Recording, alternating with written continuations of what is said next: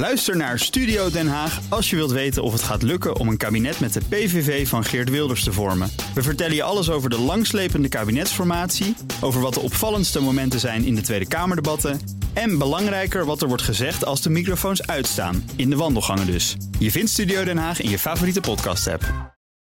De column van Bernard Hammelburg. Melania Trump komt uit Slovenië. Trumps grootouders van vaderskant waren Duitse immigranten. Trumps moeder was Schots. Naar alle Nederlandse maatstaven zijn Melania en Donald westerse allochtonen. Des te schokkender is zijn waarschuwing dat immigranten het bloed van ons land vergiftigen. Een stelling die letterlijk lijkt overgenomen uit Adolf Hitlers Mein Kampf. Trumps verkiezingstoespraak in New Hampshire was niet zijn eerste uitbarsting tegen vreemdelingen, maar de nazi-variant was een nieuwe en veroorzaakte een hoop reuring, ook binnen de Republikeinse Partij. Hoewel een hoop partijgenoten hem verdedigden. Ach ja, beetje ongelukkige woordkeus. Al eerder onthulde hij zijn plannen om migranten aan te pakken. Door langs de zuidgrens kampen te bouwen, ze daarin samen te brengen en ze dan en masse de grens over te zetten, wat in het Amerikaans deporteren heet.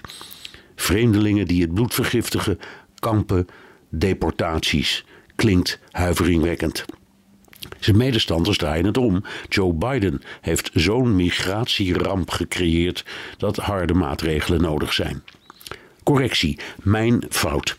Die bloedvergiftiging, de klopjacht en de deportaties gaan alleen over niet-Europese migranten. Moeten we nu opgelucht ademhalen of wordt het er erger van? Trump heeft meer ingrijpende plannen. Hij wil het ambtelijk apparaat in Washington zoveel mogelijk vervangen door Trumpisten.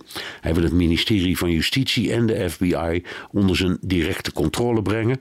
Er komt een enorme strafvervolging tegen Biden, zijn familie en zijn staf. Vorige maand noemde hij hen ongedierte, ook al zo'n uitdrukking uit het Nationaal Socialistische repertoire.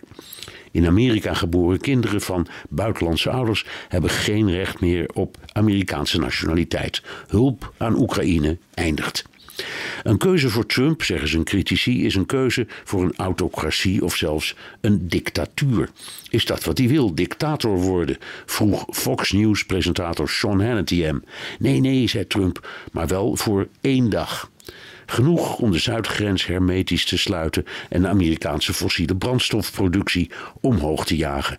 Klonk als een grap, maar er waren weinig lachers. Wat doet dit nu allemaal met de peilingen? Kort gezegd, niets. Hij blijft torenhoog uitsteken boven zijn rivalen en ligt in vijf van de swing states voor op Biden. Vooralsnog verkiezen heel veel Amerikanen Trumpistan boven de Verenigde Staten.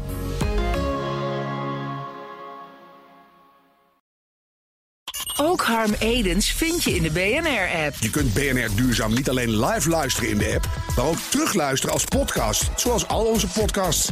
En naast dat de BNR-app Breaking News meldt, houden we je ook op de hoogte van het laatste zakelijke nieuws. Download nu de gratis BNR-app en blijf scherp.